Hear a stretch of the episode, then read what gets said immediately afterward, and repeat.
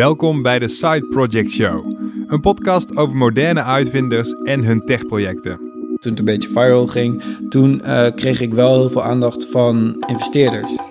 Waar de meeste mensen blij zijn dat ze op zaterdagmiddag hun hersenen eventjes op pauze kunnen zetten, zijn er ook genoeg van ons die zich in hun vrije tijd vol op een technologisch side project storten. Maar wat drijft deze woonkamer Willy Wortels en wat kunnen wij van ze leren? Er ging iets jeuken zo van, dit kan sowieso slimmer. waarom ben ik het op deze manier aan het doen? Mijn naam is Bram van Dijk, ik ben techjournalist en mijn hobbyprojecten kwamen meestal niet verder dan een slimme thermostaat installeren en die vervolgens zo dom mogelijk gebruiken. Dus ik kijk altijd jaloersmakend naar mensen die het wel lukt om zo'n side project vol te houden. In de zomer echt heel veel dagen gewoon uh, acht uur per dag geprogrammeerd aan dit project. In de Side Project Show, een podcast van ABN AMRO, ga ik iedere aflevering op bezoek bij een IT'er met zo'n bijzonder techproject. Om erachter te komen hoe de uitvinding werkt, wat deze uitvinders drijft en waar zij in hemelsnaam de tijd vandaan halen. Goedemorgen. Goedemorgen, is dit Rick van de allerslimste Excel sheet? Ja, klopt. Oké, mogen we naar binnen? Zeker. Yo.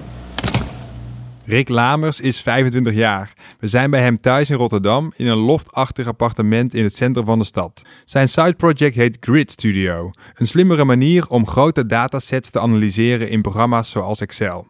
Dit idee bracht hem uiteindelijk aan tafel bij grote investeerders in Silicon Valley. Maar we beginnen bij het begin en dat is, zoals zo vaak in deze podcast, een ergernis. Bij zijn afstudeeronderzoek aan de Erasmus Universiteit een paar jaar geleden keek Rick naar de waardering van start-ups in verhouding met het sociale netwerk van de oprichters. Daarvoor analyseerde Rick grote hoeveelheden data, maar hij stootte steeds zijn hoofd tegen de beperkingen van de programma's waarmee hij werkte. En dat vond hij vreselijk irritant. Ik wil eerst even terug naar het moment dat jij dacht: dit werkt zo niet. Nou, dat is wel grappig. Dat was wel echt een heel specifiek moment uh, dat de aanleiding was voor waarom ging de bouwen. Ik was uh, bezig met mijn uh, scriptie aan de Erasmus Universiteit. Ik was bezig met onderzoek doen. En uh, ik was altijd al programmeur, dus ik was ook altijd naast mijn studie aan het programmeren. Maar voor deze studie moest ik data verzamelen over financiële gegevens. En dat deed ik dan in Excel. En ik moest ook analyseren met statistiek. En dat deed ik dan in een programmeertaal voor statistiek, dat heet R. En, uh, de letter R. De letter R, ja. En uh, ik was nogal gefrustreerd met het proces van um, tussen de, die twee programma's switchen. En ik merkte gewoon, ik dacht, er ging iets jeuken zo van, dit kan sowieso slimmer. Waar, waarom ben ik het op deze manier aan het doen? Wat, was, wat, wat ging er mis dan? Uh, nou, het, ik moest de hele tijd uh, data van het ene programma naar het andere programma uh, brengen. En ik merkte gewoon dat daardoor ik heel, de hele tijd moest context switchen. En de manier waarop je moest werken in dat Excel-programma, dat was ook weer heel anders dan hoe je moest werken in R. Dus ik voelde gewoon een grote, ja, telkens een switch. Dat was een soort overhead. Ja, dus jij moest elke keer je, wat was de export setting? Wat, wat, wat, wat gooi je eruit en hoe, hoe kwam het dan uiteindelijk weer in R terecht? Ja, dus dat ging middels CSV-bestandjes. Dus uh, ik moest dan exporteren met CSV. Maar zoals je misschien kunt voorstellen in Excel, uh, als je iets in CSV exporteert, dan verlies je ook weer bepaalde informatie. Bijvoorbeeld als er een filter op een tabel staat of zo in Excel ja, dan gaat dat niet mee in het CSV-bestand. Dus het was alsof ik zeg maar elke keer alles opnieuw weggooide wat ik deed in Excel. En dan in, in de R-omgeving moest ik dat weer allemaal opnieuw optuigen als oh, ja. En hoe zat je erbij dan op een gegeven moment? nou ja, ik dacht van, uh, ik wil eigenlijk dit gaan oplossen in plaats van verder werken aan dit onderzoek. Ja, ja. Dus ik wilde eigenlijk gaan programmeren. Maar uh, toen, uh, dat was de trigger waardoor ik op het later moment toch eerst een onderzoek maar op het later moment aan de slag ben gegaan met Crit Studio. Ja. Hij hoefde niet lang te wachten op dat moment, want aan het begin van de zomer was zijn onderzoek klaar. Tijd voor vakantie dus. Vakantie eh, is natuurlijk een mooi tropisch woord. Maar uh, hoe heb jij je vakantie besteed dat, uh, dat jaar? Nou, mijn tropische oord was de bibliotheek op de Erasmus Universiteit. daar heb ik gezeten en gewoon geprogrammeerd aan dat Grid Studio project. Want ik dacht, het, zou, het kan interessant zijn om, voor mensen om te gebruiken. Maar het was in eerste instantie ook best wel gewoon een uh, leerproject. Dus hoe ik mezelf uh, heb leren programmeren is door gewoon dingen te bouwen die me interessant lijken. Gewoon kijken of het lukt. En uh, dat was eigenlijk bij dit project net zo. Ik wilde een nieuwe programmeertaal leren, die heette Go. En ik dacht, nou, kan ik dat mooi gebruiken voor dit project? Dus als je nu op GitHub kijkt bij de language stad, dan zie je ook dat een groot deel in Go is geprogrammeerd.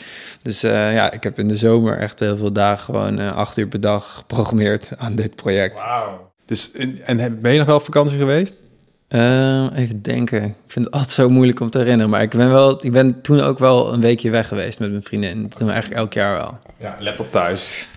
Nee. Nee, maar ik, ik, ik, ik plaag je een beetje hoor. Maar ik vind het wel heel gaaf dat je dus eh, eh, je eh, 2,5 maand van leegte voor je ziet. En dan denkt, hoe kan ik die eh, nou zo zinvol mogelijk invullen?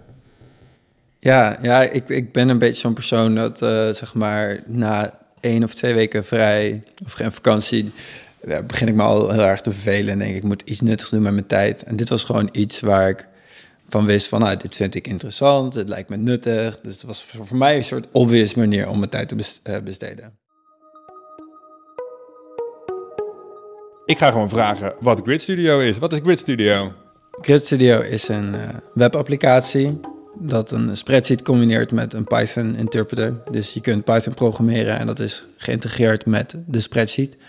Dus eh, het is primair gewoon een applicatie om data in te verkennen, eh, te plotten, te analyseren. Eh, dus het is, ja, het is letterlijk een mengeling tussen een spreadsheet zoals Excel en een programmeeromgeving zoals Python. Oké, en waarom is dat handig? Eh, soms wil je data niet analyseren door rond te klikken in een user interface. Zeg maar klikken in een interface is voor sommige mensen heel fijn. Alleen soms kun je iets net sneller of efficiënter uitdrukken in software, in code. En ja, ik, denk dat die behoefte, die is er bij bepaalde mensen, was in ieder geval bij mij. Dus ik ben ervan uitgegaan dat andere mensen dat soms ook chiller vinden. Oké, nou wat we geopend hebben is eigenlijk eh, wat ik eh, zie als ik Google Sheets open. Dus gewoon aan de linkerkant eh, zie je een soort Excel-omgeving, tabelletjes. Wat anders is, is dat jij twee extra vensters hebt. Namelijk een, eh, een Python-omgeving waar je scriptjes kan runnen. eh, dus waar al een gedeelte code staat. En daaronder nog een terminal. Wat is er rechts onderin? Ja, dus je hebt naast de spreadsheet heb je een soort eh, code editor. En daar rechtsonder heb je een terminal. En een terminal herkennen de programmeurs als de plek waar je een soort van command line dingetjes kan uitvoeren. En die twee extra toevoegingen waren voor mij cruciaal om eh, productief te zijn bij het analyseren van data. Voor de niet-Python-kenners. Python is een programmeertaal waarmee je onder andere scripts kan draaien.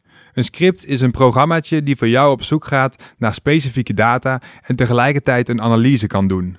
Zo kan je bijvoorbeeld aan Python vragen om te kijken of er een verband is tussen de waarde van een start-up en de grootte van een sociaal netwerk van de oprichters van deze start-up, zoals Rick in zijn afstudeeronderzoek heeft gedaan. Je kan dus hele specifieke vragen stellen en dat lukt je niet in Excel. Eh, dus ik kan bijvoorbeeld eh, i constateren. Wat is i in dit geval? i is een variabele. Oh ja. I, sterretje, sterretje 2 voor i in range 100. Ja.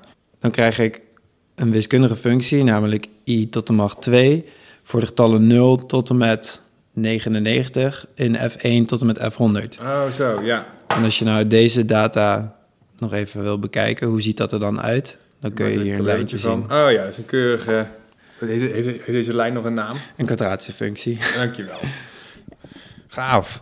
Ik zit even te denken nog hoe ik het nog beter kan omschrijven. Want het ziet er ook een beetje uit alsof eh, je gewoon links een venster hebt staan met Excel. En dan rechts een venster open hebt met Python. En dan daaronder nog een open met de nu Python out of terminal. Eh, dat zou je in principe natuurlijk ook gewoon drie losse dingen naast elkaar kunnen hebben. Maar dan werkt het niet zo goed samen, of wel? Ja, dat is denk ik wat, wat je zou kunnen doen als alternatief, is dat je zelf eh, echt los Python, los een Microsoft Excel bijvoorbeeld en een losse terminal. Eh, alleen dan zie je dus dat die dingen niet zo geïntegreerd zijn. Dan zul je toch via bijvoorbeeld een eh, CSV-bestand tussen die werelden moeten switchen. Ja. En er zijn ook manieren om in Python of in Excel een soort add-on te installeren, waardoor je Python in die omgeving krijgt. Dus het zou, het zou ook op die manier kunnen. Maar ik dacht van, wat nou als het echt helemaal geïntegreerd is en ook vanaf zeg maar, het begin zo gebouwd is dat die integratie ook heel goed werkt. Oftewel, hij heeft drie programma's samengebracht in één, zodat hij het voor programmeurs mogelijk maakt om in hun eigen taal data te analyseren. Aan het eind van de zomer was het project klaar genoeg om aan anderen te laten zien. Oké, dan kom je er dus uit, uh, 2,5 maand na dato. Had je, was het toen af voor je gevoel? Uh, nee, ik heb altijd, ook nu nog, uh, sterk het gevoel dat het gewoon eens helemaal in de prototype alpha fase zit, dat project. Dus het was, het was voor mij niet een gevoel niet af, maar wat daarna gebeurde was een beetje gek. Want ik wilde het dus laten zien aan mensen. Ik ging dus een beetje kijken van, nou, wie, voor wie zou dit nou interessant zijn? Dat kan ik een beetje goede feedback krijgen. En toen ging ik dus op zoek naar potentiële gebruikers. En toen ging ik ze een mailtje sturen en zeggen van... hey, kan ik je een update geven? Een keer als het, als het live staat of zo. En ik kreeg eigenlijk helemaal geen respons. Oh, nee. Dus uh, mensen zeiden wel initieel van... oh, wat leuk en zo. Dus ja, stuur me maar een update. Dus ik had op een gegeven moment een mailchimp van uh, 45 mensen of zo... die dan ongeveer in die categorie vielen. En, uh, en, die mensen haalden je overal vandaan, die kennen je via via. Ja, LinkedIn, mensen uit mijn klas van de universiteit, dat soort beetje, beetje echt in mijn directe cirkel en net daarbuiten. Dus um, toen uh, was het moment daar dat ik dacht, nou, het prototype is een soort van werkend. Ik kan, ga het laten zien aan mensen. En toen um, stuurde ik een Mailchimp, of een Mailchimp mailing naar die 45 mensen. En uh, ik had allemaal logging aangezet, dus ik kon zien als mensen het gingen testen en zo. En echt krekels, gewoon echt bijna niks. Echt zo één iemand had het geopend en drie dingen aangeklikt en toen weer afgesloten. Oh. Dus echt heel weinig respons. Oh, was je daar nog teleurgesteld over? Uh, ja. ja, een beetje wel. Hij besloot het project een jaar op de plank te leggen en zich te richten op zijn nieuwe studie aan de TU Delft. Maar zoals elk jaar was daar weer die ellendig lange zomervakantie. Een mooie tijd om het nog één keer te proberen met Grid Studio. Het product was een soort van af, dus nu was het een kwestie van het online verspreiden. In die zomer daarna, toen dacht ik, weet je wat? Nu ga ik het posten, nu ga ik kijken of ik een soort marketing push kan doen. Want nu heb ik deze zomer om daar ruimte voor te maken als het ware. Dus dat was begin augustus uh, van uh, dit jaar, 2019. Ja. En toen had ik een artikel gepost op de website Hacker Noon. Dat is gewoon zo'n techblog. En uh, die ging soort van half viral, omdat daarop werd het op het eerst echt halverwege op de homepage gezet. Toen had ik een link op Reddit gepost. En daar ging het heel snel naar de nummer 1 positie. En omdat toen die moderators van Hacker Noon zagen dat er heel veel mensen op dat artikel kwamen, hadden zij het op de nummer 1 positie oh, ja. op hun website, op de homepage gezet. En dat was voor mij heel grappig om te zien dat er zoveel mensen dat artikel aan het lezen waren en de software aan het proberen waren. Want toen kreeg ik allemaal feedback van mensen en allemaal mensen die zeiden ook, oh, dit is super handig, waarom bestaat het nog niet en zo. Dus toen kreeg ik in één keer superveel reacties. En het was een hele grote contradictie, want ik dacht eigenlijk dat niemand het boeide, omdat ik die eerste push had gedaan van die 45 mensen en helemaal geen respons had gezien. Alleen achteraf bleek het dus gewoon dat ik nog niet uh, het had kunnen communiceren naar mensen die ja. er wel in, in, geïnteresseerd zouden zijn.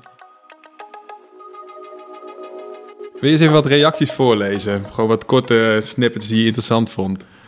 Um, iemand zegt, uh, this is way cooler than I expected, nice work. Nou, mooi compliment, ja. steek ik in mijn zak. En dan zegt iemand ook uh, iets uh, logisch en kritisch, zoals... Uh, doesn't our studio have editable spreadsheet view for data frames? Van, bestaat er niet al zoiets? En dan... Ik ook, ook redelijk wel wat linkjes van, heb je hiernaar gekeken? Is dit niet wat je, wat, wat je eigenlijk al zocht? Ja, en dat is dus altijd voor, voor iemand die iets maakt... dan krijg je echt heel vaak te maken met reacties als... ja, maar je, je hebt toch al dit en je hebt toch al dat? En wat ik dan altijd denk van ja, maar je, je, je verliest daarin de nuance van hoe goed is dat, weet je wel? Dingen zijn niet binair. Zo van, je kan toch al editen in dit. Maar de, datzelfde waarom heb je Google Sheets? Je kan toch al Microsoft Excel werken, het bestand opslaan, het bestand naar iemand sturen en, en dan zeg maar, maar ja, hoe het is gedaan, hoe, hoe makkelijk het werkt, dat is uh, ook heel belangrijk. En soms zit het echt in kleine dingen, dat het gewoon net iets sneller is of dat je real-time kan samenwerken, wat dan weer een grote ding is. Dus, ja, ik, uh, ik, ik kijk naar alle dingen die ze sturen. En dan zie, zie ik het en denk ik, ja, maar dat is niet ik wou. Nee, nee. Dus uh, dan probeer ik uit te leggen wat het verschil is en zo. Ik zag nog één leuke, kijk of die het nog kan vinden. Lees even Blue Panda Army even voor. Dude, this is a game changer. en dan denk ik van, nou, het is lief dat hij dat zegt, maar dat zie ik niet zo. Overrated reactie. Blue Panda Army. Ik heb hem wel geüpload. Ja, dat dan weer wel. Wel een duimpje omhoog voor de Blue Panda. Zijn programma werd een paar duizend keer gedownload en gebruikt. En wat ik wel grappig vond, is dat achteraf hoorde ik dat het artikel gedeeld was in WeChat. Dus een uh, Chinese uh, soort van uh, messaging platform. Door iemand met blijkbaar followers. Zo WeChat heeft blijkbaar iets van public channels of grote channels. Ja. Ik, weet, ik weet het niet eens. En heel veel van de mensen die het geprobeerd hebben, zijn dus ook Aziatisch. Dus echt wereldwijd, zeg maar, zijn er mensen naartoe gegaan. En dat vind ik heel vet van open source. Dat als je het daar doet, als je iets open source en je krijgt dan aandacht voor een project, dan zijn het niet alleen mensen hier in Nederland of zo, of net, net in Engeland of zo, maar gewoon over de hele wereld kunnen mensen het proberen en zien. Het was dan ook heel makkelijk voor iedereen om het te gebruiken, omdat Grid Studio een open source project is. Dat wil zeggen dat iedereen kan zien hoe de code van het project in elkaar zit en dus hoe een programma is opgebouwd. Zo'n project plaats je dan op platformen zoals GitHub of GitLab, waar gebruikers sterren kunnen geven hoe goed ze een project vinden. Je legt jezelf dus behoorlijk op een hakblok als je een project online durft te zetten. Open source is een beetje een gek ding voor developers. Denk, de meeste developers die luisteren misschien ook, die, die hebben zoiets van open source is wel cool, weet je wel. Het idee dat je gewoon iets kan uploaden dat iedereen bij je source code kan. Dat is op zich, ja, dat soort van, uh, je, je open alles blootstelt naar mensen dat het kunnen gebruiken.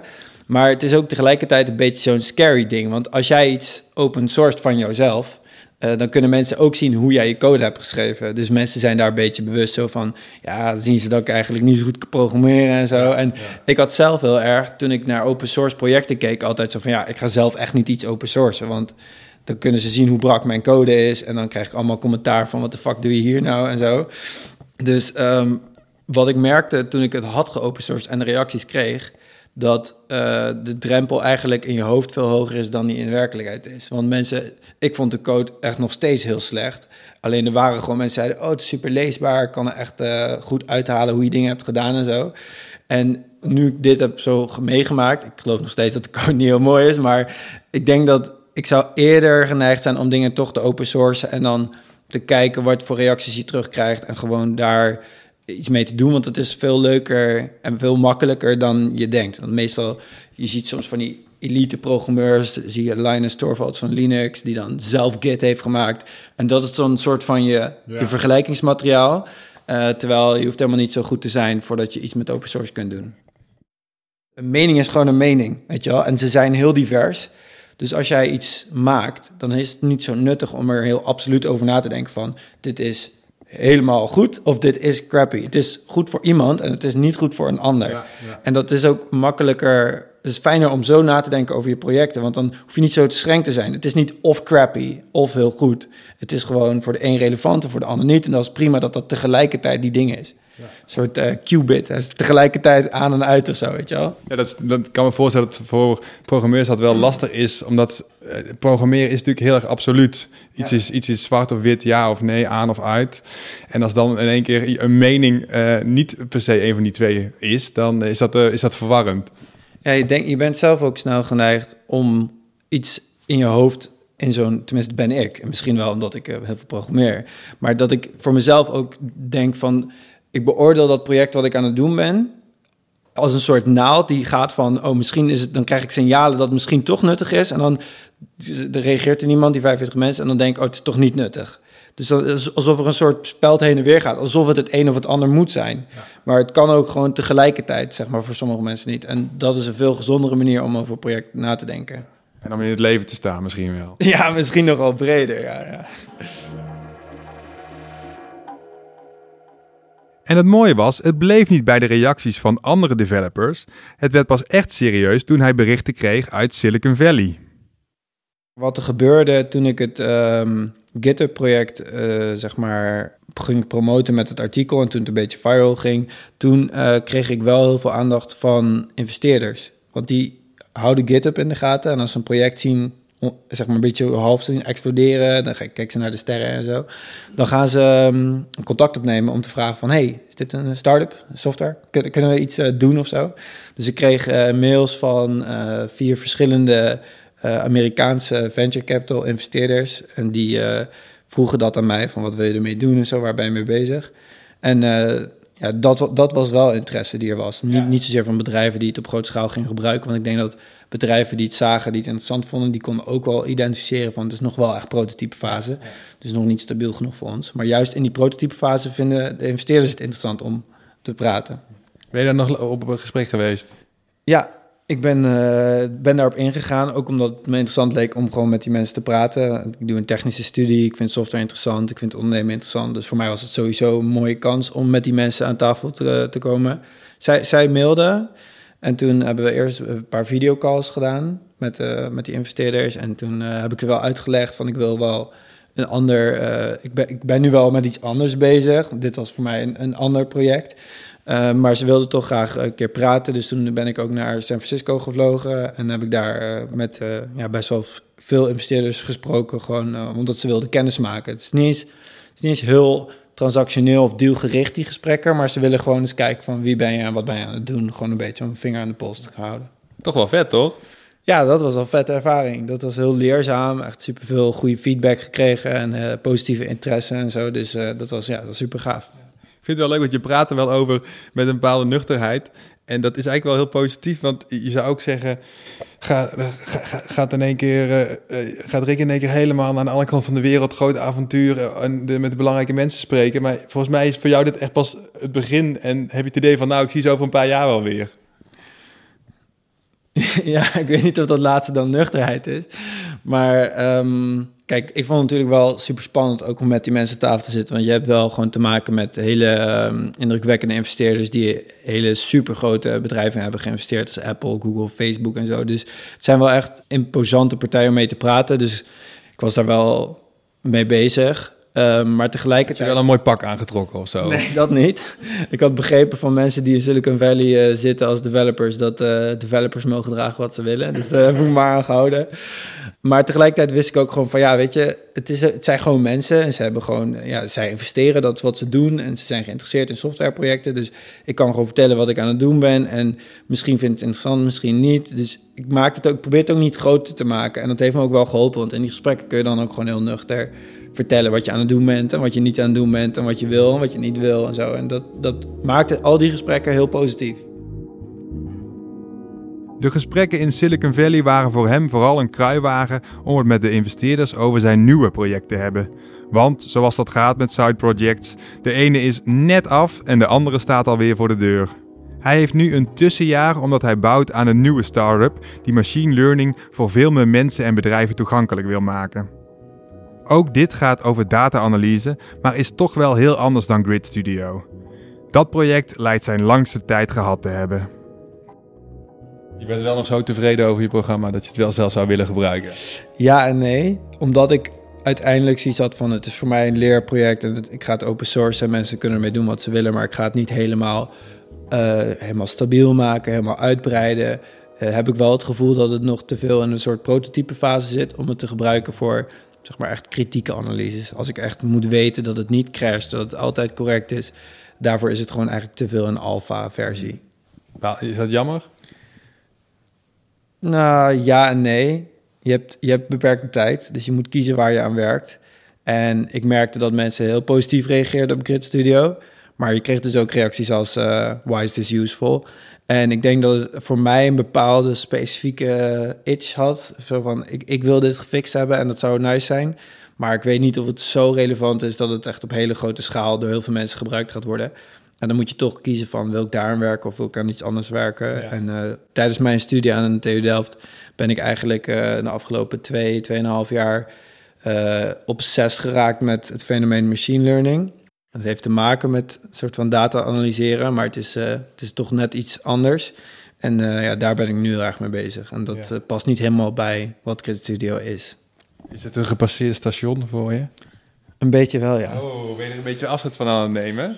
Nou, afstand niet. Ik, ik- het staat op mijn GitHub, dus het, het is gewoon een project dat ik Maar heb gedaan. afscheid in je, in je hoofd wel. Ja, wel, wel, de focus is wel verlegd naar waar ik nu mee bezig ben. Maar hij zou, nog, zou die nog een, her, een heropleving kunnen, een tweede heropleving kunnen gaan genieten, dit eh, pro- project? Wat denk je? Nee, Nee. niet, niet eh, door mij. Ik, Nee. eh, ik, ik, ik, ik, begrijp gewoon heel erg wat het wel en niet is. En ik, eh, ja, ik ben nu bezig met dingen waarvan ik, waar, waar ik veel meer potentie in zie. Ja, RIP Grid Studio dus, maar dat is helemaal niet erg.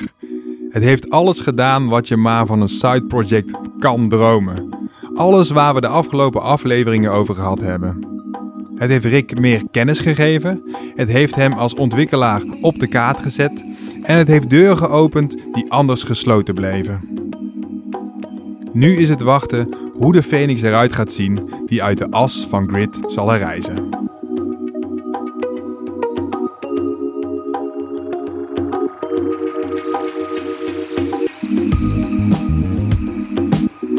Luisterde naar de voorlopig laatste aflevering van de Side Project Show, een podcast van ABN AMRO. Ben je benieuwd naar de andere bijzondere tech-projecten? Luister dan alle zesde afleveringen van dit eerste seizoen in je favoriete podcast-app. Meer weten over deze podcast en waarom ABN AMRO dit doet? Of ben je ook op zoek naar een uitdagende baan in de IT? Kijk dan op abnamro.com slash sideprojectshow. De Side Project Show wordt geproduceerd door Dag en Nacht Media. Het sounddesign is van Studio Cloak. En ik ben Bram van Dijk. Later!